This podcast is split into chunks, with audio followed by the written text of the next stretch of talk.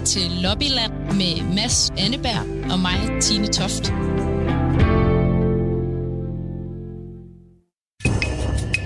Coronavirus spreder sig ekstremt hurtigt. We will be successful if we work together. Fra i morgen, der lukker de danske grænser. The lack of solidarity, we will be reminded by the Italians. We are all in this moment Italians. Det er Lobbyland, du lytter til her på Radio 4. Programmet, hvor vi under normale omstændigheder forsøger at få lidt mere ud af EU på, på Danmarks vegne, men hvor vi er gået i, i corona-mode, ligesom så mange andre. Øh, det, du lytter til nu, det er vores tredje øh, corona-særudsendelse. Hej Tine. Hej Mads. Hvordan er det at have valgt det forkerte land? øhm, jamen altså, det er da en bet. Det er da en kæmpe bet. Hvad hedder det? Øh, du, du, du tænker på, at I øh, åbner op i Danmark nu? Jeg, jeg tænker simpelthen på, at, øh, at i Danmark, hvor jeg øh, stadig er... Øh, hvor du er født, og du har hjemme? Mm-hmm. Hvor jeg føler, jeg er hjemme, øh, øh, der siger Mette Frederiksen jo, at øh, det kan godt se ud som om, vi kan begynde at åbne en lille smule op øh, efter påske.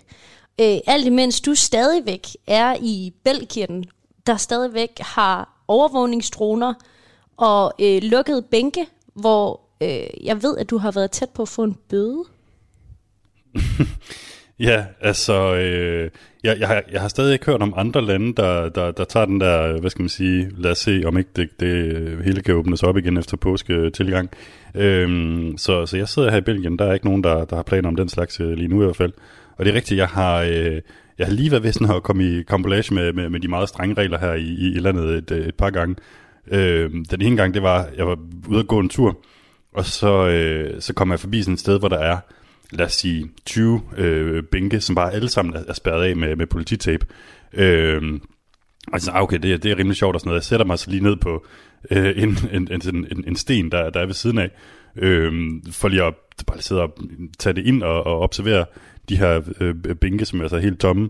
Øh, selvfølgelig lidt åndssvagt. Og så kan jeg bare se, at politiet står lige ved siden af, og så er jeg sådan, nej, fuck. og så rejser jeg mig op igen og, og, kommer, og kommer videre, fordi man må ikke, hele pointen er, at man må ikke øh, sætte sig ned, altså man, man skal ligesom være i bevægelse, når man er ude, øh, så når man kun er ude for enten at motionere, eller for at ja, gå i supermarkedet, eller, eller sådan andre vigtige øh, ting.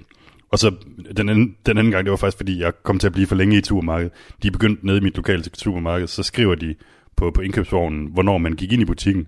Og så kunne jeg bare konstatere, for man har kun en halv time, da jeg kommer ud efter tre kvarter, der kigger folk sådan lidt, oh, okay. Hvordan kunne du bruge tre kvarter på at handle ind? Jamen, der er bare et eller andet med mig. Nej, nej, nej, overhovedet ikke. Jamen, det er bare fordi, jeg, jeg, jeg kan godt lide at gå rundt i supermarkedet som, som udgangspunkt. Altså, jeg kan godt lide at sådan, kigge på alle mulige produkter og overveje, om jeg skal have det produkt eller det produkt. Eller, okay, så du har øh, været ved sådan... at få en bøde, fordi du er sindssygt langsom til at handle, og fordi, at du satte dig på en bænk. Øhm... Men jeg satte mig ikke på en af bænkene, det må jeg bare sige. Jeg satte mig på, på en, sådan noget, noget der, der var lidt øh, ved siden af. Mm. Okay, men der er i hvert fald ingen tvivl om, at du er et land, der stadigvæk er, er lukket øh, markant mere ned, end, øh, end Danmark er i forvejen. Og vi skal jo tale ret meget i dag om det her med, hvad der sker i de forskellige, øh, hvad der sker i de forskellige lande. Øhm, og det skal vi også, fordi at vi i, øh, i den her uge stadigvæk bare taler om corona. Øhm, det er faktisk stadig det, programmet skal handle om i dag.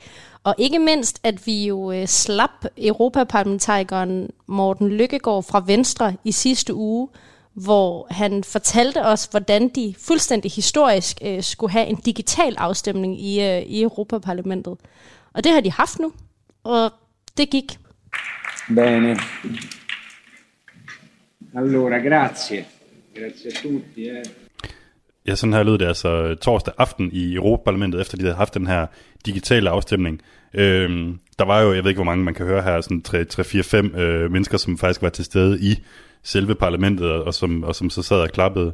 Men ellers så sad folk altså derhjemme og, og, og sendte de her e-mails, som jo er den måde, man, man har skulle stemme på. Altså, det er et fuldstændig fascinerende system, øh, de har fundet på nede i Europaparlamentet, øh, Tine. Hvordan er det helt præcis, det fungerer? Øh, hvis man nu har for eksempel har været dansk europaparlamentariker, som er taget tilbage til Danmark, det har langt de fleste, øh, så har de fået en mail øh, i deres inbox fra Europaparlamentet, så har de fået en stemmeseddel, som de så har printet, og så har de sat krydser, altså virkelig store krydser. Der er flere af dem, der har lagt billeder op af det her på de sociale medier. Så har de skrevet under, og så har de simpelthen bare scannet det ind igen og sendt det tilbage igen, eller taget et billede af det. Så sådan meget, en, en blanding af noget meget digitalt og, og manuelt, som altså helt historisk betød, at de alle sammen kunne øh, stemme for, at øh, EU skal øh, bruge flere af de penge, som er allokeret til alt muligt andet, til coronabekæmpelse, og øh, for at sikre, at flyselskaberne ikke skal leve op til, til lige så strenge krav. Så det skete altså, selvom det så sådan en lille smule, øh, og lød en lille smule omsonst. Ja, der var bravende flertal for, for de her ting.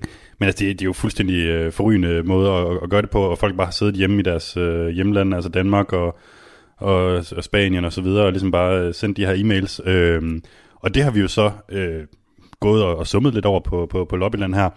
Og øh, vi har faktisk fundet frem til en måde, hvor alle kan prøve at blive øh, europaparlamentariker øh, for en dag, og simpelthen komme til at stemme på den her måde. Ja, og jeg tror godt, vi kan sige her, at du har lavet en stemmeseddel.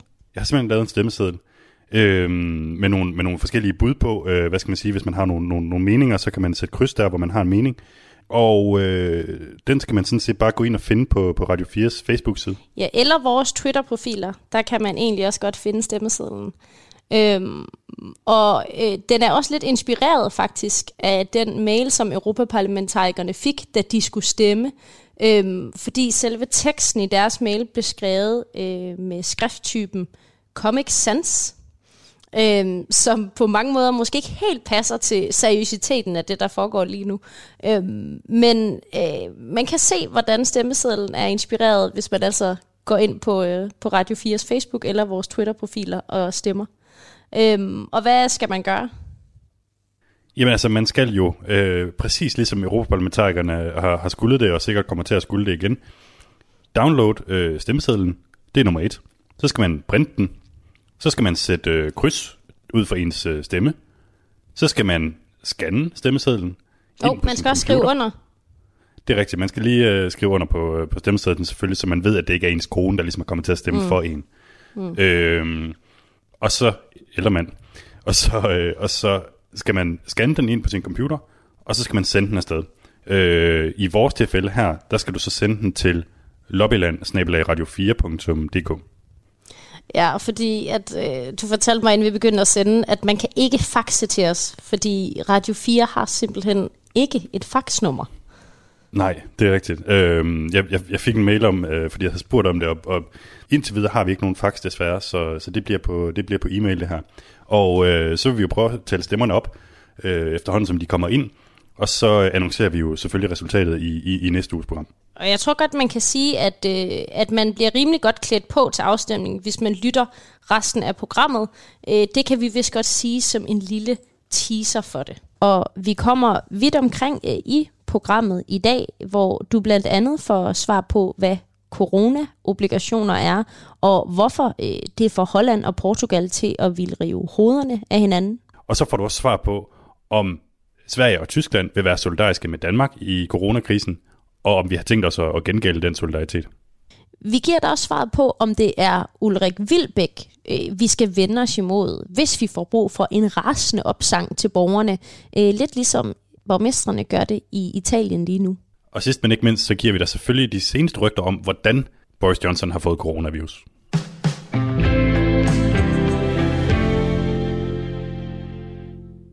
Øh, vi skal snakke om solidaritet.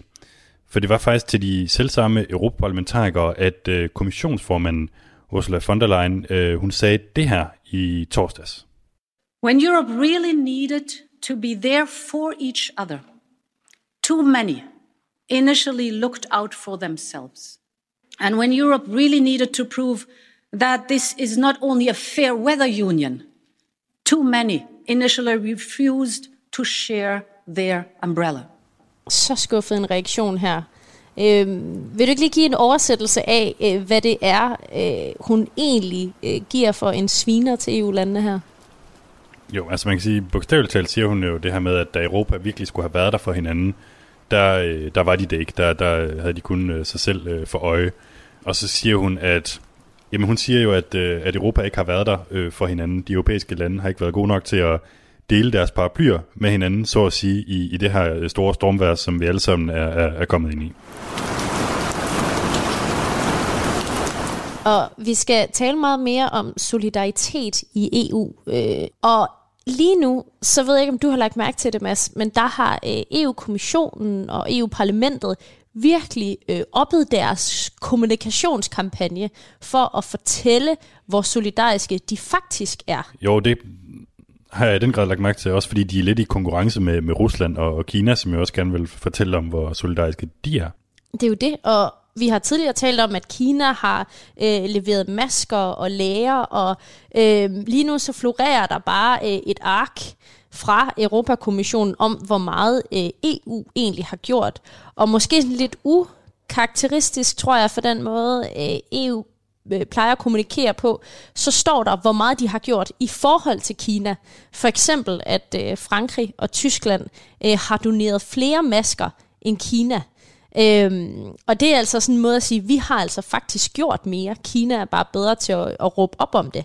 Og der har jo, hvad skal man sige, været sådan et, et, et, et narrativ om, at, at EU slet ikke var solidarisk, og det er jo det, som EU-kommissionen så prøver at, at gå imod her. Øh, men du har jo faktisk prøvet at kigge på et af de aspekter, i hvert fald på sundhedsområdet, hvor der har været mulighed for at, at vise den solidaritet, som, som man taler om her.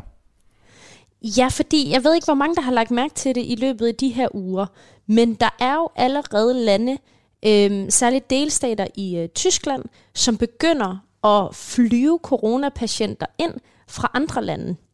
Øhm, og det er altså øh, delstater som Hessen og øh, Baden-Württemberg, øh, som simpelthen i helikopter flyver øh, meget syge patienter ind fra øh, Alsace og fra Italien, for at, at simpelthen hjælpe og stille sengen til rådighed.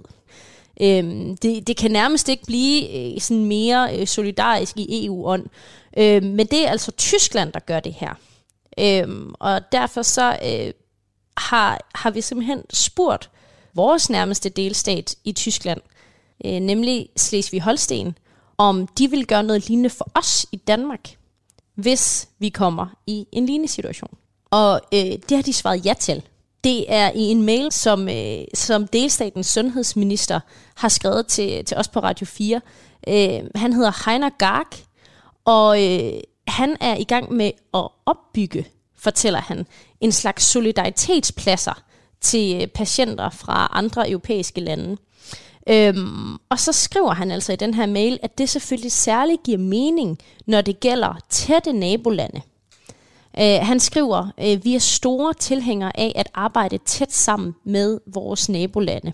Det, men det vil sige, at de, de pladser, de er simpelthen tiltænkt øh, Danmark blandt andet? Ja, altså tætte naboer, der skriver de i hvert fald, at det er jo der, det giver mening at arbejde sammen. Øhm, og igen, så har flere tyske delstater jo så også taget imod fra, fra Tyskland og Frankrig. Men i, i Slesvig-Holsten, der står pladserne faktisk allerede klar. Og øh, de venter bare på en, en anmodning om hjælp. Øhm, så det er altså øh, vores ene naboland, hvor hvis vi skal tænke lidt på, hvor vi måske kan få lidt hjælp øh, øh, over grænsen, så kan vi nok i hvert fald kontakte øh, Heiner Gag i øh, Slesvig-Holsten. Og hvis vi bare lige skal tage et land mere, fordi vi har jo prøvet at undersøge sådan lidt lige omkring øh, Danmark, hvad vi egentlig kan få ud af det her, øhm, så er de faktisk også ret positive i Sverige. Øhm, så derfor så har vi altså ringet til øh, lederen af regionsrådet i Skåne. Han hedder Karl Johan Sonnesson, og øh, vi spurgte ham, om øh, de også står klar til at hjælpe, hvis vi nu kommer ud i øh, problemer i Danmark. Hvis der opstår en akut situation i Danmark eller i Skåne och den andra har stor kapacitet kvar, va, så skulle man ju kunna eh, absolut ha en diskussion där man hjälper varandra som ett eh, brödrafolk vi ändå är. Brödrafolk? Præcis, brødrefolk. Øhm, han siger, hvis der opstår en akut situation i Danmark eller Skåne, og de andre har ledig kapacitet, jamen, så skal vi da absolut diskutere, hvordan vi kan hjælpe hinanden som det brødrefolk, vi nu engang er. Men i forhold til det her med, med, med, med brødrefolket, altså, altså vil vi i Danmark også hjælpe dem? Øh, lige i skrivende stund, øh, så kan det jo godt være, at der er noget af det her, der ændrer sig, fordi at, øh, som vi talte om tidligere, så siger vores statsminister jo, at vi måske kommer til at åbne lidt gradvist op efter påske. Det kan jo være, at det ændrer sig. Men da jeg fik svar fra øh, ministeriet sent i torsdags, øh, hvor vores sundhedsminister ikke øh, vil stille op til interview, der lyder svaret blot fra ministeriet. Der er ikke på nuværende tidspunkt planer om at modtage patienter fra andre lande i det danske sundhedsvæsen. Hmm. Prøv lige at spille den der, prøv lige at spille den der regnværsting igen.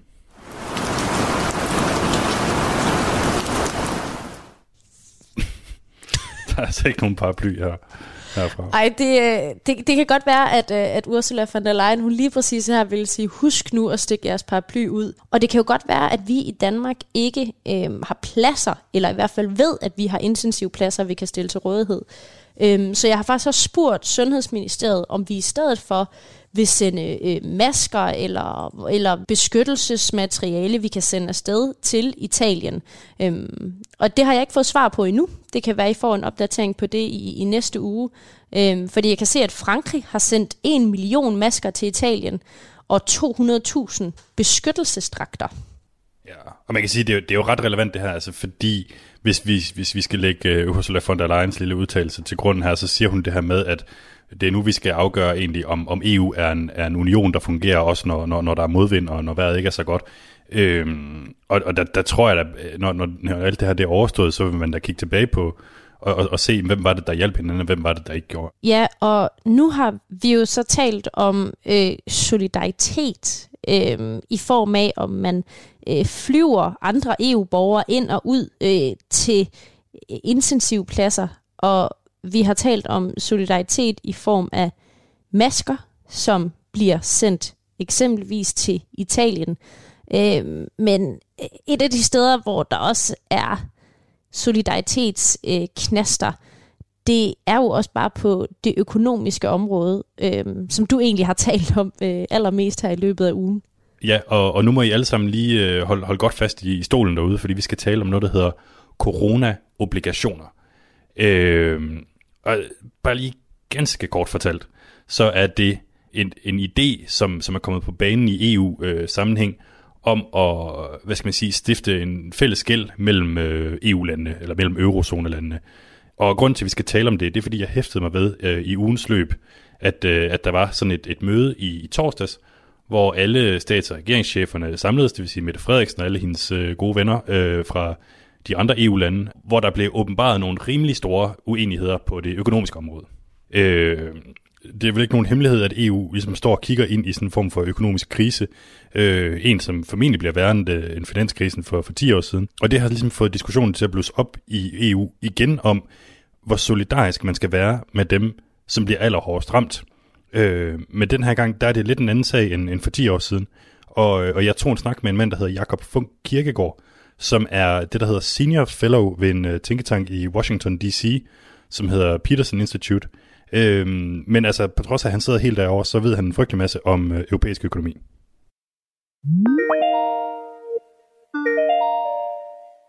Jakob, du har, du har lovet mig at, øh, at lige sådan sætte mig lidt ind i, hvad det er, der foregår lige øh, nu i EU, øh, rent økonomisk, øh, som følger den her coronakrise.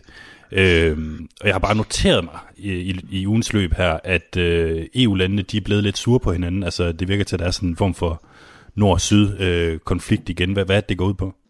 Jamen, det der er jo sket, det er, at øh, alle EU-landene øh, er blevet ramt af øh, coronavirusen i større eller i, i, i stor eller meget stor grad, hvilket vil sige, at øh, de respektive regeringer er nødt til at bruge en masse penge på at holde økonomien gående. Ja, det var lidt en lang snak, øh, vi, vi endte med, med at få, øh, så nu opsummerer jeg faktisk bare lige lidt. Øh, han fortæller altså, Jakob von Kierkegaard her, at når lande som Italien ligesom både skal betale for at håndtere coronasituationen øh, i sig selv, og bagefter så skal kæmpe sig tilbage fra den økonomiske krise, som, som kommer bagefter, så, så bliver det ret svært for dem, fordi øh, i, i, i hvert fald sådan et land som Italien allerede har en ret høj statsgæld. Øh, og derfor så har en række især sydeuropæiske lande foreslået, at man skal kunne udstede fælles obligationer. Øh, de har fået navnet corona-obligationer. Øh, det vil egentlig bare sige, at alle lande, øh, som har euro, de vil gå, så gå sammen om at låne penge, og så vil de alle sammen hæfte for lånet. Ret syret, at man kalder det corona-obligationer. Ja, præcis. Corona bonds øh, på engelsk, men det er så også blevet sådan lidt et tabuord, som, som giver nogle, nogle associationer, øh, afhængig af, hvor du, hvor du spørger hen, om, om det er i nord eller i syd. Øh, og, og det er faktisk her, konflikten opstår, øh, fordi hollænderne og tyskerne, de er imod den her idé. De kan slet ikke se lyset i det. Øh, og Holland får ligesom endda antydet, at Sydeuropa måske bare kunne have forberedt sig lidt bedre rent økonomisk. Øh, og det fik ligesom sådan det hele til at køre lidt op i en spids. Øh, så det er altså en form for nord mod syd konflikt. Og spørgsmålet er så, hvem der egentlig har fat i den lange ende i, øh, i, i sengen her. Og ifølge Jakob von Kirkegaard, så er det faktisk Sydeuropa, der har det. Uh, det er jo lidt ligesom, altså, hvis, du ved, hvis vores hus, hvis dit hus uh, bryder i brand, det er jo heller ikke nødvendigvis din skyld, uh, at det gør det, så derfor har du en forsikring. Uh, Øh, den forsikring, man har i eurolandene, øh, men også i EU, jamen det er jo, at man er medlem af øh, en gruppe som EU, hvor der er en eller anden form for solidaritet, en eller anden form for samarbejde mellem de respektive medlemslande. Og øh, jeg mener faktisk, at øh, den type krise, øh, vi taler om her, er et øh, eksempel på en krise, hvor man øh, bør have en høj grad af solidaritet, øh, fordi der netop ikke er, øh, det er ikke, der, landene er ikke selv skyld i det. Øh, så situationen er i, i min, efter min mening en helt anden, end den var i 2010, øh, hvor Grækenland jo for eksempel var ved at gå falit, øh, som følge af, at de i mange år havde øh, levet over evne, og i, i, i bund og grund selv var skyld i det, øh, mere eller mindre. Øh, der var det helt rigtigt at øh, gøre det, man gjorde, hvor man sagde, jamen altså, I kan godt få nogle penge, men altså, så har der en lang liste af ting, I skal lave om, fordi I, om så må sige, selv er skyld i det. Det er ikke tilfældet her. Altså, jeg mener sådan set, at øh, man sådan rent både værdipolitisk, øh, men også finansielt og politisk øh, er det øh, i det her tilfælde italienerne og spanierne og, og til en vis grad også franskmændene, der har, en, en, der har fat i den lange ende. Og det sådan set er øh, øh, tyskerne og hollænderne, som øh, øh, står og, og fremstår som lidt nogle, nogle onkel Joachims øh, typer, ikke? Okay, så han synes, at øh, når det kommer til de her øh, corona-obligationer, øh, hvis vi bare holder os til at kalde dem det, så øh, kan man egentlig ikke øh, beskylde øh, de sydeuropæiske lande for ikke bare selv at have polstret kassen godt nok, fordi at de ikke var forberedt på det. Nej, det mener han i hvert fald ikke, altså fordi at det netop er noget, som er, er kommet lidt ligesom en, et jordskælv eller en, en tornado, altså du ved, hvor landene ikke selv har, har, har været skyld i, at, at, at det her, øh, den her situation den er opstået, øh, men det er simpelthen bare en virus, som er, som er kommet ind fra højre. Øh, og bottom line, øh, det er ligesom, at når Europa så skal til at lukke op igen ovenpå på corona her, øh, så vil de enkelte lande have, have ganske forskellige forudsætninger for at komme på fod igen rent økonomisk. Øh, selvfølgelig med, med sådan et land som Italien værende dem, som, som har, har de værste odds. Og det mener han så, at der kalder på en, på en fælles løsning. Øh, hvad end det så bliver de her corona-obligationer, eller øh, om det bliver via EU-budgettet, eller, eller noget helt tredje. Øh, og jeg spurgte ham så, om, om det også er realistisk, at der kommer sådan en fælles løsning, og, og det tror han faktisk. Jamen altså, jeg tror, det er til syvende og sidst realistisk. For det første er det jo helt åbenlyst, efter min mening, i øh, alles interesse. Øh, ikke bare øh, Italien og Spanien, at de kommer tilbage på fod, men det er i højeste grad også i Tyskland og Holland og Danmarks øh, egen interesse, at alle kommer tilbage øh, efter krisen.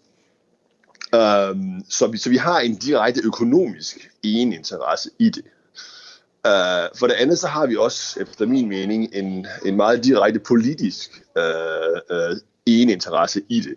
Fordi man skal jo ikke være politisk profet for at regne ud, at uh, hvad hedder det, politikere i Italien, som for eksempel Salvini og andre, som jo uh, er uh, skal vi sige, ideologisk mod, ideologiske modstandere af Øh, EU-samarbejdet, øh, på sådan mere generelt øh, abstrakt filosofisk niveau, de vil jo naturligvis øh, bruge den her krise, og ikke mindst en potentiel mangel på solidaritet i EU, og spørge, jamen, altså, hvorfor skal vi overhovedet være med i det her? Jakob, du skal have øh, rigtig mange tak, fordi du gad at, at lige øh, forklare mig øh, bare lige en, en, en fli af det her, og øh, det kan være, at vi vender tilbage til dig en anden gang. Jeg er sikker på, at det, det er højaktuelt det her i, i det næste lange stykke tid. Det, øh, det synes at være ret sandsynligt, skal vi sige bliver, bliver det værre end i, end i 2009? Ja, ja, altså ren, ren bruttonationalproduktmæssigt, ja, det, det gør det helt sikkert. Det er der ikke nogen tvivl om. Det gør det helt sikkert. Au. Ja, det er en nedslående melding.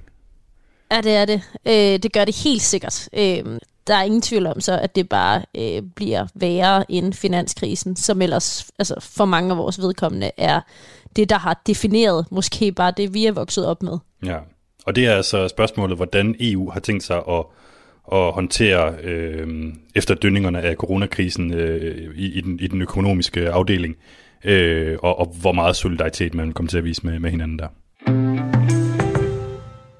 Nu skal vi øh, til lidt noget andet, og i sidste uge, øh, Mads, der hørte vi jo en del af en sang, som du havde fået på hjernen, og øh, som optakt til det, vi skal tale om nu, så øh, får du mulighed for at gætte, hvad det er for en sang, som jeg har haft allermest på hjernen hele ugen. Skru op, skru op, skru op.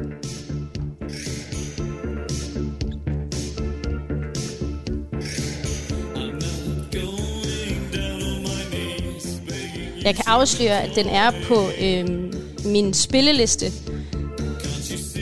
for corona.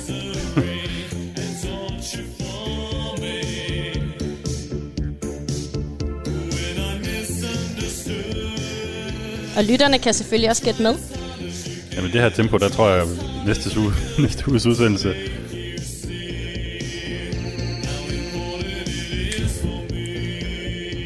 Jeg kan afsløre, at der er tale om et britisk band. Jeg kan desværre ikke rigtig høre, hvad de synger. Men jeg synes, at melodien er meget god.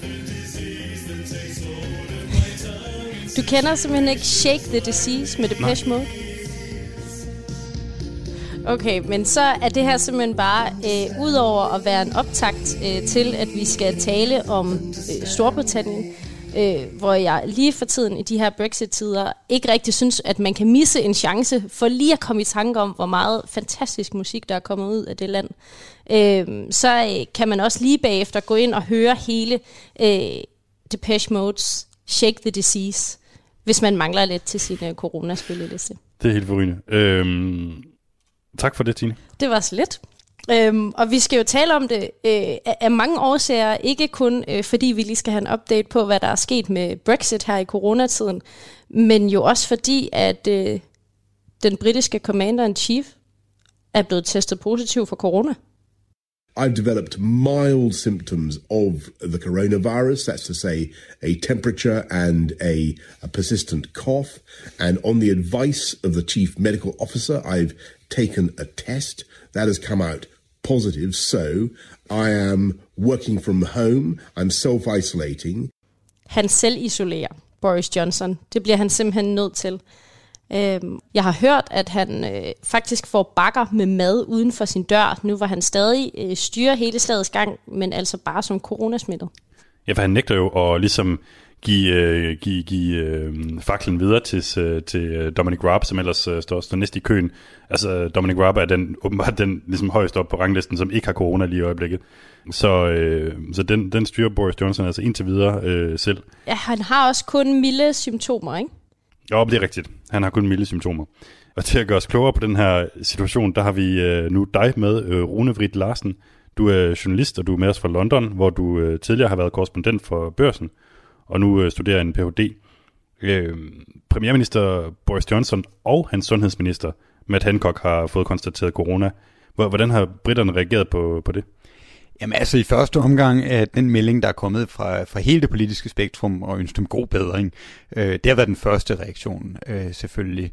Øh, men, men derefter har der også relativt hurtigt bredt sig øh, en, en debat øh, i, i de britiske medier om men er det her måske noget, de, de selv øh, er, er lidt skyldige i også? Altså Boris Johnson har ikke været særlig god til selv at holde afstand, selvom han siger til den britiske befolkning, at de skal holde afstand. Øh, har gået og trykket hånd med, med mange mennesker, har været tæt sammen med en stor del af, af sin regering. Og nu ser vi altså både han selv og, øh, og sundhedsminister med Hancock og øh, den britiske brostrøm, øh, Chris Whitty, er gået i, i, øh, i selvisolation med coronasymptomer. Øh, vi ser også øh, Boris Johnsons tætte rådgiver, øh, Dominic Dominic Cummings, øh, som, som nu er gået i selvisolation. Så det, det, er, det er mange, der er blevet smittet. Der er altså en debat nu om, øh, også af, har Boris Johnson selv været god nok til at tage det her alvorligt? Øh, Udover at der selvfølgelig har været en reaktion om, at man ønsker om god bedring. Øh, noget, jeg har tænkt over, øh, Rune, i forhold til det her, det er, nu sidder Boris Johnson i øh, Øh, præcis den samme situation som rigtig mange britter, altså hvor han bliver nødt til at isolere sig og arbejde hjemmefra. Øh, kan det ikke også gøre ham sådan lidt mere øh, altså identificerbar og populær? Altså hvis nogen kan swinge en coronavirus til det, så burde det da næsten være Boris Johnson. Det, det må næsten være ham, selvom han så lidt mat ud, da han øh, dukkede op i, i den her video på Twitter, øh, hvor han fortalte, at øh, han nu havde symptomer på, på coronavirus. Øh, men det kan man jo sige, at, at det har vi både set i Storbritannien og også mange andre steder. Folk de samler sig øh, om, om deres øh, stats- og regeringschefer øh, på, på det her tidspunkt. Øh, vi ser det også med Donald Trump, som jo egentlig ligger ret godt øh, i forhold til ratings øh, her, her under krisen. Og det, det, altså, det oplever vi også i Storbritannien, at øh, der er selvfølgelig meget debat, øh, også mere debat i Storbritannien, end der er i Danmark om regeringshåndtering af coronavirus. Men folk samler sig øh, alligevel øh, bag Boris Johnson og bag regeringens øh, håndtering af det her. Men det er, jo, det er jo ret vildt det her med, at det er Boris Johnson, det er hans sundhedsminister, det er jo gud hjælp mig også øh, prins Charles, der har fået det. Det er jo svar til, at Mette Frederiksen, Magnus Heunicke og øh, kronprins Frederik, ligesom alle sammen har coronavirus. Altså, det er jo også en, det er en mærkelig situation. Ja, det er det. Øh, og, øh, og Boris Johnson siger jo, at han kan håndtere det hele ved at, øh, at, at sidde isoleret inde i Downing Street nummer 11, hvor han altså har sine øh, private gemakker, øh, isoleret der øh, væk fra sine medarbejdere, og så klarer det hele via video. Øh, men, men altså, der har jo selvfølgelig været noget tvivl om, hvad sker der, hvis nogle af de her bliver alvorligt syge? Øh, hvad gør man så? Øh, hvor, hvor det jo er øh, Dominic Raab, udenrigsministeren, som øh, øh, blev, blev meget kendt under Brexit-forhandlingerne som en ret hårdfør Brexit-minister, der, der lagde sig ud med EU. Øh, det, det er altså ham, der står øh, i næste række til at øh, tage over, hvis øh, på et eller andet tidspunkt, at Boris Johnson skulle vise sig at blive syg. Men det vil jeg altså ikke tegn på endnu. Indtil videre, så har han milde symptomer, siger han. Øhm, og øh, Rune Vrit Larsen, øh, vi vil jo også rigtig gerne høre lidt om, hvordan det egentlig er i Storbritannien i forhold til, hvor lukket det er nu. Øhm, du er lukket inde i din egen lejlighed, øh, ved jeg, men hvordan oplever I ellers de regler, der er i, øh, i Storbritannien? Jamen, altså, øh, ja, jeg har lukket så meget ind i min lejlighed som, som muligt. Jeg har været ude øh, her i morges og, og handle ind i, øh, i vores lokale Tesco, som sådan er på, på størrelse med en normal Bilka, øh, hvor der nu øh, for første gang i flere uger begynder at være øh, almindelige varer på, på hylderne. Altså der har, det kan godt være, at der blev, øh, der blev købt lidt toiletpapir i Danmark, men det har altså været flere uger, hvor man har hverken har kunne købe pasta eller toiletpapir eller ris eller, eller kød for den sags skyld. Altså jeg har flere gange gået, på, øh, øh, gået i supermarkedet og opdaget, hvad jeg skulle have til aftensmad, når jeg kunne se, hvad, hvad det var muligt at, at købe. Øh, men ellers har vi jo fået besked på at, øh, at, at holde os indendørs så meget som muligt. Øh, man må gå ud øh, på en gåtur eller øh, for at motionere, for at løbe en tur en gang om dagen, og så skal man ellers øh, holde sig hjemme, øh, købe så lidt ind som muligt. Og det er altså noget, som, som politiet øh, også forsøger at, at håndhæve på en eller anden måde. Det er også noget med, at der er nogle regler om, at man kun må dyrke øh, time sport, hvor jeg så nogle retningslinjer om, at man må gå, eller cykle, eller løbe. Øh, hvor strengt er det? Men altså, det er jo noget af det, politiet kæmper, øh, kæmper med. Altså, hvordan, hvordan ved man overhovedet, om øh, nogen har været ude og, øh, og løbe tre gange tidligere i dag. Øh, det, det ved man nok, at de færreste har øh, så mange gange, men, men hvordan ved politiet, om, om der er nogen, der har været ude og, og gå, øh, gå tidligere på dagen? Og det, altså, politiet står og hiver sig selv i håret, fordi altså, i Danmark, der har Mette Frederiksen jo øh, startet med at appellere til, til folks samfundssind og ansvarlighed. Altså grundlæggende, at folk skulle opføre sig voksent. Øh, og, og det er så ikke alle, der har øh, været i stand til at opføre sig voksent, men og, så det kom lidt drøbende hen ad vejen, at politiet har sagt, så må vi også uddele nogle bøder, hvis folk ikke øh, efterlever de her øh, retningslinjer. I Storbritannien, der startede Boris Johnson med allerede i sin tale, hvor han øh, til nationen, hvor han lukkede, lukkede landet ned og siger, at det her det vil blive håndhævet af politiet. Øh, det her, man må kun gå ud og købe ind så lidt som muligt, og man må kun motionere en gang om dagen. Og politiet hiver sig i håret og siger, hvordan, altså, hvordan kan vi overhovedet håndhæve det? Og det forsøger så med droner øh, ud over naturparker og øh, og bøder og anholdelser osv. Og, og håndhæve det, men øh, er endt i en situation, hvor de også modtager en del kritik for deres håndtering af det. De har jo faktisk også øh, på, på Twitter nærmest øh, prøvet at håndhæve det. Øh, I hvert fald i et tilfælde, øh, hvor øh, Helle thorning Schmidts mand, Stephen Kinnock, øh, var kommet øh, lidt i kampolage med, med, med de her regler om, hvad man må og ikke må. Hvad var det, det handlede om? Jo, men øh, Stephen Kinnock øh, lagde et billede øh, på, på Twitter af øh, ham selv og, øh, og Helle thorning Schmidt, der havde besøgt øh, Stephen Kinnocks far, der havde, øh, der havde fødselsdag, altså Neil Kinnock, som jo er øh, tidligere oppositionsleder, tidligere Labour-leder og, og sådan en del af adelen af, af britisk politik. Øh, og der svarede øh, det lokale politi øh, på den her besked og sagde altså til ham, at øh, det er dejligt, at man kan fejre sin fars fødselsdag, men det er ikke essentiel, øh, en essentiel grund til at, at forlade sit hjem og gå ud, og alle er nødt til at bidrage. Så de rettesat ham simpelthen. Og han svarede så, at han havde alligevel skulle, øh, skulle levere nogle, øh, nogle varer til, til sine forældre, og derfor havde det været øh, essentielt, at han gik ud, og så blev han bare lige længe nok til at synge fødselsdagssang. Men det, det viser altså, at, at politiet er ret, øh, ret markante i, øh, i deres forsøg på at, at håndhæve det her, også på Twitter, øh, men modtager altså også en del kritik for øh, måske at øh, overvåge lidt for meget, øh, for, i hvert fald øh, for dele af, af medierne. Vi talte lige om tidligere, hvordan altså, øh, Tine nu står i den heldige situation, at, at, at Danmark åbenbart øh, skal til at åbne op igen efter, efter påske, øh, mens du og jeg, Rune, vi, vi sidder lidt i en anden situation. Altså, er det noget, man overhovedet taler om øh, i Storbritannien, det her med at åbne samfundet op igen?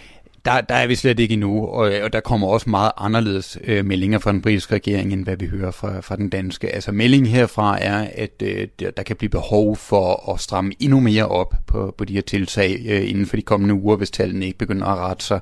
Og vi ser altså stadigvæk en meget øh, kraftig stigning i antallet af smittede og, og døde her i Storbritannien. Øh, og så er meldingen, at vi skal altså ikke regne med at vende tilbage til normalitet. Altså det kan godt være, der kommer en, øh, en, øh, en vi begynder at løfte nogle af af, de her tiltag på et tidspunkt. Vi skal ikke regne med at vende tilbage til normalitet inden for de næste halve år. Der kan komme flere bølger senere. Det kan være, at det var 12-18 måneder, siger myndighederne øh, egentlig meget klart. Øh, så her taler vi overhovedet ikke om at skulle åbne op endnu. Og der er godt nok stor forskel på at tale om øh, en potentiel øh, gradvis genåbning om et par uger, og så tale om et halvt år. Det er der meget stor forskel på, øh, og det er jo øh, så er det åbent spørgsmål om, er, er det fordi, der er flere, der er blevet smittet i, i Storbritannien? Altså i starten, der havde man jo den her strategi om, at man skulle øh, opnå flokimmunitet, talte Boris Johnson om, og lukkede derfor ikke ned, før man ligesom havde sikret, at der var nok, der var blevet smittet. Øh, og det kan man sige, det, det hører vi jo også fra de danske sundhedsmyndigheder, at vi skal også, øh, altså det er jo ikke en, en frygtelig stor forskel, der er på, på den langsigtede strategi, altså vi skal også have flokimmunitet i, i Danmark, så der er også mange, der skal smittes i Danmark, øh, men, men man har ventet længere øh, i Storbritannien. Det kan måske øh, være, være derfor, at, øh, at der simpelthen er flere smittede i Storbritannien. Det ved vi jo ikke nu, før at vi får flere tal ind har britterne i grunden været tilfredse med den måde, som Boris Johnson og hans regering har håndteret krisen på? Ej, der har, der har været meget øh, hård kritik. Måske fordi, at den britiske regering gik ud fra start og, og meldte ud, at øh, målet altså var, var den her flokimmunitet, som vi nu også begynder at tale om, at det er egentlig det, vi også vil opnå i, i Danmark.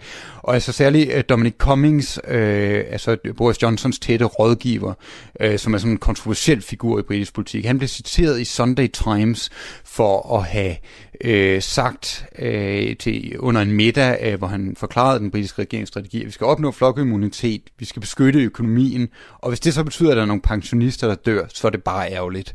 Citat slut.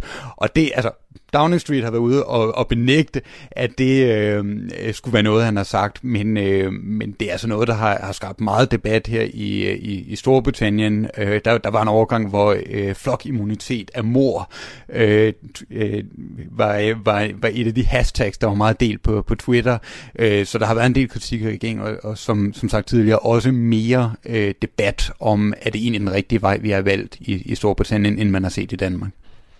Men der er Boris Johnson så også vant til lidt øh, modgang i forhold til, til den Brexit-krise, han, han kommer lige fra, som jo i forvejen splittede øh, landet rimelig meget. Det må man sige, øh, og, og, og det er fokus jo fuldstændig fjernet fra nu. Altså det er måske også derfor, at folk begynder at samle sig lidt om, om regeringen, og, og på en eller anden måde er der en følelse af, at, øh, at nu står vi sammen øh, i Storbritannien om at skulle igennem det her og, og stå bag de tiltag, der kommer fra regeringen. Det er jo en fordel for, for ham, kan man sige, at, at vi pludselig ikke taler ret meget om den her splittelse, som ellers er, er gået midt ned i det britiske samfund de, de sidste år øh, og, og har skabt øh, ja, meget stor debat. Og hvis vi så lige skal øh, runde Brexit her til sidst, altså EU og Storbritannien, de skal afklare deres, øh, hvad, hvad skal deres fremtidige forhold være? Det skal de afklare inden nytår, øh, hvor den overgangsperiode, der er i gang nu, den udløber, øh, og alle bånd i teorien ligesom bliver kappet mellem Storbritannien og EU. Øh, forhandlingerne de står så lidt i stampe nu her, altså på grund af corona, man kan ikke rigtig mødes, man kan ikke øh, forhandle så meget. Øh, så kommer Boris Johnson til at bede om en forlængelse af den her periode? Det er et godt spørgsmål, om han kan, kan slippe for det. Altså det ser efterhånden meget svært ud at, at nå at blive enige om en handelsaftale. Så nu, nu undgik vi uh, no deal uh, ved, ved den første uh, runde af forhandlinger om den første aftale, så, altså udtrædelsesaftalen, men risikerer jo igen uh, no deal til nytår, hvis der ikke er en handelsaftale på plads øh, midt i, i, øh, i, i, i en mulig øh, anden bølge øh, af coronavirus, hvis der kommer sådan en, det ved vi jo ikke endnu. Men problemet er, at det er meget svært at forhandle. Altså Michael Gove øh, har øh, forhandlet øh, eller haft en samtale med EU i, i mandags, men ellers så er øh, de fleste forhandlinger aflyst, hvilket jo blandt andet skyldes, at der sidder enormt mange forhandlere om sådan et bord. Altså bare et emne kan øh, kræve øh, 10-20 forhandlere, der skal sidde og deltage, og så skal man tale om mange emner i løbet af en forhandling forhandlingsrunde. Og altså, hvis der er nogen, der sidder derhjemme og, øh, og skal holde styr på videomøder og ved, hvor svært det kan være at få alle til at slukke og tænde deres mikrofoner på det rigtige tidspunkt, så, så er det bare en udfordring, øh, når man sidder med meget svære og meget tekniske forhandlinger. Altså, det handler jo ikke bare om politisk vilje, der lige skal falde på plads i november eller december. Altså, det er også det er enormt meget teknik, der skal, der skal på plads. Og øh, noget af det, vi hører øh, fra forhandlerne øh, og, og handelsforhandlere øh, i det hele taget, er, at mange af gennembrudene kommer ikke, når man sidder og, øh, og kæmper om ordlyden lyden ved, ved bordet. Det, det, det kommer, når man holder en pause og drikker en kop kaffe og, øh, og taler om kreative løsninger, hvor man kan vi ikke lige finde på en anden ordlyd. Det, det er der, de, mange af de store gennembrud kommer øh, i sådan nogle forhandlinger, og derfor er det bare enormt svært at komme videre lige nu. Men Boris Johnson, han fastholder, at øh, Brexit skal ikke udskydes. Altså den her, vi skal ikke øh, forlænge den her overgangsperiode, hvor man kan forhandle i. Så til nytår, der, der vil britterne være ude. Er det fordi han håber, at EU bøjer sig og siger, ej, vi beder om en forlængelse. Altså, for det virker da øh, godt nok som en stram øh, tidsplan, når vi tager corona med i spillet. Jamen, EU har jo egentlig allerede sagt, at øh, de vil åbne over en forlængelse. Øh, men det kræver bare, at britterne også kommer og beder om den, fordi der skal, der skal to til øh, at, at kunne udsætte den her deadline. Men, men altså, det har jo tidligere været Boris Johnsons strategi. Altså, han taler jo selvfølgelig ikke meget om Brexit lige nu. Det handler om coronavirus og, og håndteringen af det. Men det har jo tidligere været hans strategi at forsøge at presse EU til at, at give nogle indrømmelser. Og, og særligt det her med, at vi skal indgå en samlet aftale øh, hvor altså, britternes adgang til EU's marked øh, skal måske øh, forhandles øh, op imod, at øh, så skal britterne give noget øh, adgang til fisk øh, for danske fiskere og sådan noget. Det er britterne ikke så vilde med, så altså, de vil i virkeligheden hellere indgå en masse forskellige delaftaler, og altså øh, hvis man nu kunne nå en situation, hvor øh, øh, altså, øh, hvor vi når meget tæt på og kan begynde at indgå delaftaler og presse EU til det. Men det er jo i virkeligheden noget, Boris Johnson tidligere gerne ville. Om det så er det, han vil nu, øh, det ved man ikke. Øh, men altså nogle af de ting, vi tidligere har været meget bekymrede for, altså at et no-deal Brexit ville betyde, at så skulle flyene i Storbritannien stå stille. De ville ikke kunne flyve til EU. Det er jo ikke så stor en bekymring øh, midt under den her coronakrise. Så på den måde kan man sige, at det giver nogle nye kort på, på hånden, men også vil gøre sådan noget som fødevareforsyning meget sværere. Øh, så det er svært at gennemskue, hvad Boris Johnsons strategi egentlig er. Tusind tak øh, skal du have, Rune Vrit Larsen, som altså er øh, journalist og øh, også akademiker i London, øh, fordi du øh, gad at, at tage den her snak med os. Tak for det. Og øh, således øh, er vi jo så kommet omkring, at Matt Hancock har øh, smittet med corona, sundhedsministeren Dominic Cummings, øh, rådgiveren øh, og øh, Boris Johnson øh, Øhm, som på en eller anden måde altså øh, har tilrettet sig øh, den her sygdom, øh, som han så må sidde med nu. Alle har corona, og, øh, og det sjove er så, at i, i søndags, der begyndte øh, den britiske avis Mail on Sunday så at spekulere i, kan vide, om det var EU's chefforhandler Michel Barnier, der har smittet Boris Johnson. Jeg, vil, jeg skal næsten lige prøve at læse øh, indledningen for dig øh, fra den artikel der fra i søndags. Could this be the ultimate revenge for Brexit? The coronavirus that has laid Boris Johnson low may have passed into Westminster's inner circle via the EU's chief negotiator, Michel Barnier, according to one theory. According to one theory? jeg elsker bare den formulering. Jeg elsker, elsker, elsker den måde at, at formulere det på. Ifølge en teori. Så kan man sige alt. Okay, så ifølge den her teori, så er det altså øh, den ultimative øh, skræmmebillede i hele Brexit-debatten. Den franske Michel Barnier, som jo har øh, corona, som har givet det til Boris Johnson. Og det skulle han så have gjort via den britiske chefforhandler David Frost på et møde den, øh, den, den, den 5. marts. Øhm, Den ultimative hævn for Brexit, det er simpelthen at give Boris Johnson øh, corona. Det var dog øh, en, vild, øh, en vild teori. Altså. så kan han lære det. Avisen har også øh, en anden teori, og det er, at det er prins Charles, der har givet øh, Boris Johnson corona.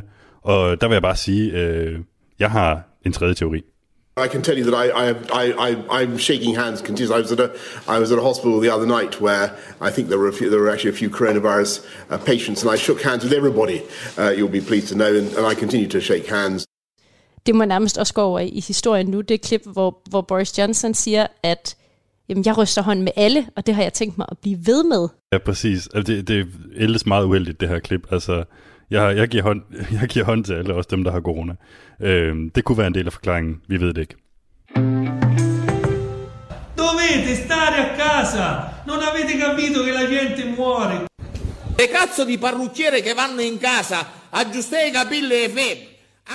Ja, øh, det du hører øh, lyd i dag her, det er øh, vrede italienske borgmestre, øh, der i videoer på sociale medier giver øh, deres borgere øh, en opsang for ikke at overholde de regler, øh, der skal inddæmme corona i Italien.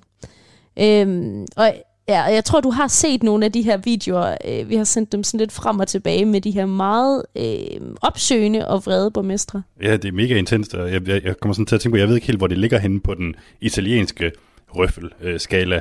Altså, fordi der, den, der er øh, benchmarket måske et andet sted end i Danmark, men altså, jeg, jeg vil da virkelig, Øh, jeg vil, jeg vil virkelig føle mig, føle mig udskammet, hvis, øh, hvis der var nogen, der kommer og råbte mig øh, på den her måde. Ja, og øhm, øh, nu har vi jo talt i løbet af programmet i dag om, hvordan vi måske kan bruge de andre lande, hvis vi har brug for deres solidaritet, og hvem der skal være solidarisk over for hinanden. Øhm, men øh, vi kan jo måske også lære noget selvfølgelig af Italien. Det prøver vi hele tiden. Og øh, lige her, øh, der har jeg jo så bare tænkt på, om man ikke kunne finde en øh, dansk borgmester, der også lige kunne give øh, borgerne en god, øh, gedin corona-opsang, øh, når der er nogen, der overtræder reglerne om at feste, eller, eller hvad det nu kan være. Øhm, og øh, der har jeg jo tænkt på en masse, øh, som man, særligt hvis man vokser op i øh, det meget håndboldspillende Vestjylland, ikke rigtig kan, kan undgå øh, at, at lægge mærke til. Hurtigt, hurtigt spørgsmål. Har du gået til håndbold, Tine? Jeg øh, er muligvis øh, det eneste menneske øh, i Holstebro, som på en eller anden måde har formået aldrig at gå til håndbold. Okay. Til gengæld har du haft en anden relation til, til håndbold, kan man sige. Jamen... Jeg har været cheerleader for øh, Team Tvis Holstebro. Holstebro. Det er øh, øh, en af de ting, jeg øh, nu fortryder at have fortalt dig, Mads. Øhm, og du skal være glad for, at du er så langt væk. øhm, men det har været min relation til håndbold. Det var heller ikke nogen øh, succes, fordi de tabte rigtig meget i den periode. Okay. Øhm, ja, det er jeg ked af. Og så har vi jo alle sammen en relation til manden, vi skal høre øh, nu. Fordi hvem kunne egentlig være bedre til at give øh, danske borgere en opsang øh, end ham her? Hold lige stop. I har ikke for fem flade øre til modet i øjeblikket. Se at komme i gang. Ja, det var fuldstændig ret, Tine. Det var da en god idé. Øh, hvordan gik det? Ja, altså, øh, det er det sidste, lytterne kommer til at høre i dag, øh, så I må jo selv bedømme det. Jeg øh, ved ikke helt, hvordan man egentlig skal karakterisere det, der kom ud af mit forsøg på at få øh, Ulrik Vilbæk, som det jo er her, øh, til at give øh, danskerne en, øh, en ordentlig opsang. Jeg har nu fået monteret øh, diktafonen her for enden af en boomstang, hedder det, som radioen har købt ind, så vi kan lave øh, reportage på behørig afstand i coronatiden. Og øh, det smarte ved den her boomstang, det er, at radioen så også har købt sådan en lille holder med, som skal sidde for enden af boomstangen, men som passer til en mikrofon. Og altså ikke en radiodiktafon, som jeg har med. Så derfor så bliver jeg simpelthen lige nødt til at... Jeg bliver simpelthen nødt til at tape den her diktafon fast.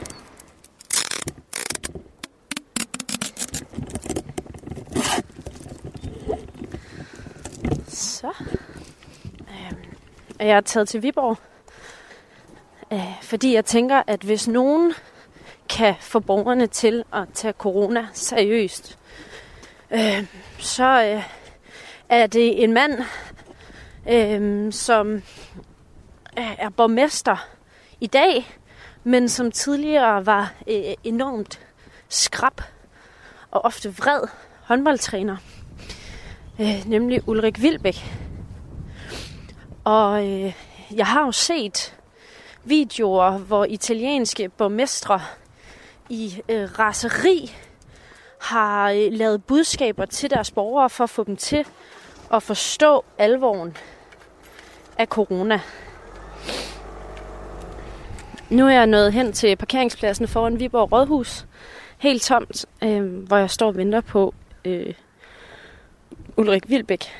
Øh, som må være det bedste bud på, på nogen, der kan give borgerne en opsang for lige at huske de sidste trælserelementer. Og hvor jeg så må stå øh, to meter frem med, med den her boomstang. Hej. Det er lidt underligt, det her, Ja, er specielt. Meget specielt. Ulrik, må jeg starte med at vise dig en video? Ja. Jeg, bliver, jeg sender den lige til dig på en sms. Ja. Der er den, ja. Non succede nulla, è inutile che scriva a me. Che cazzo mi scrive a me? State a casa che non succede niente. Ste cazzo di parrucchiere che vanno in casa. Det er, det er meget temperamentsfulde borgmestre, ser det ud til. Ja, jeg tror, jeg har set nok. ja, men det er jo, det er jo temperamentsfulde borgmestre, og, og det er jo for det første en anden situation i Italien, end det er i Danmark. Øh, indtil videre har vi jo ikke det der store udbrud. Det må vi jo se, og vi håber jo, det slet ikke kommer. Vi håber, vi har inddæmmet det. Men derudover så er det også min, øh, min erfaring, og sådan som jeg også oplever det, at danskerne bare er øh, lidt mere disciplineret, end man er i Sydeuropa. Øh, og jeg har faktisk gået rundt her rigtig mange øh, kilometer de sidste øh, 14 dage, sådan øh, en 10 kilometer om dagen, bare for sådan at følge, dels for at få noget motion, og dels for at finde, hvordan går det. Og jeg må bare sige, at jeg har ikke set nogen endnu, der har været øh, udisciplineret, eller har været flere end 10 forsamlet, øh, eller noget andet. Der er unge mennesker, der to og to går tæt, men det kan jo være kærester og sådan noget. Men, men jeg er sådan øh, meget godt tilfreds. Øh.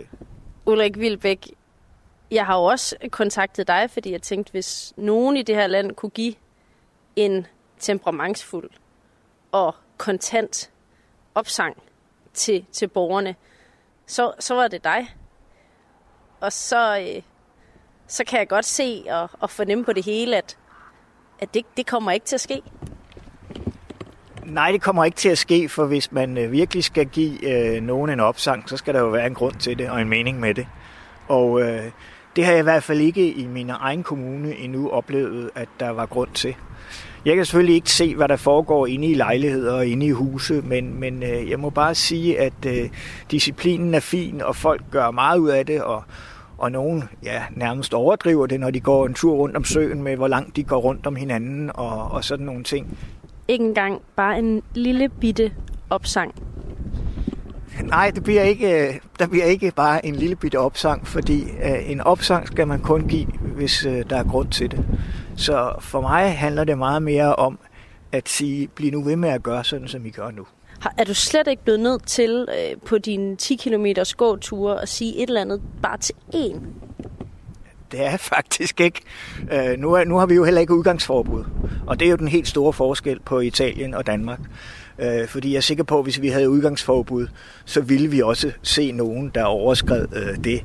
Også fordi folk skal jo øh, ud af nogen grunde en gang imellem. De skal jo også have... Jeg tænker bare, hvordan lufter man ind i sine hunde øh, i Italien? bare sådan en lille detalje, ikke? Øh, og derudover, så skal der jo købes ind og sådan nogle ting. Ulrik Vilbæk, hvis vi får et udgangsforbud eller en skarp forværing, kan vi så øh, regne med øh, dit temperament til at give nogen en opsang, eller er det simpelthen forsvundet? altså, jeg ved ikke, om jeg har så voldsomt temperament uden for sportsbanen. Det tror jeg ikke, jeg har. Øh, tværtimod. Øh, så, så jeg tror ikke, det er sådan... Øh, øh jeg, jeg, det, jeg synes mere, det handler om at kommunikere klart og tydeligt. Tak. Det var så let. Nej. Øh, men tak skal du have, Ulrik. Det var så let. Ha' det godt. Ja, hej. hej.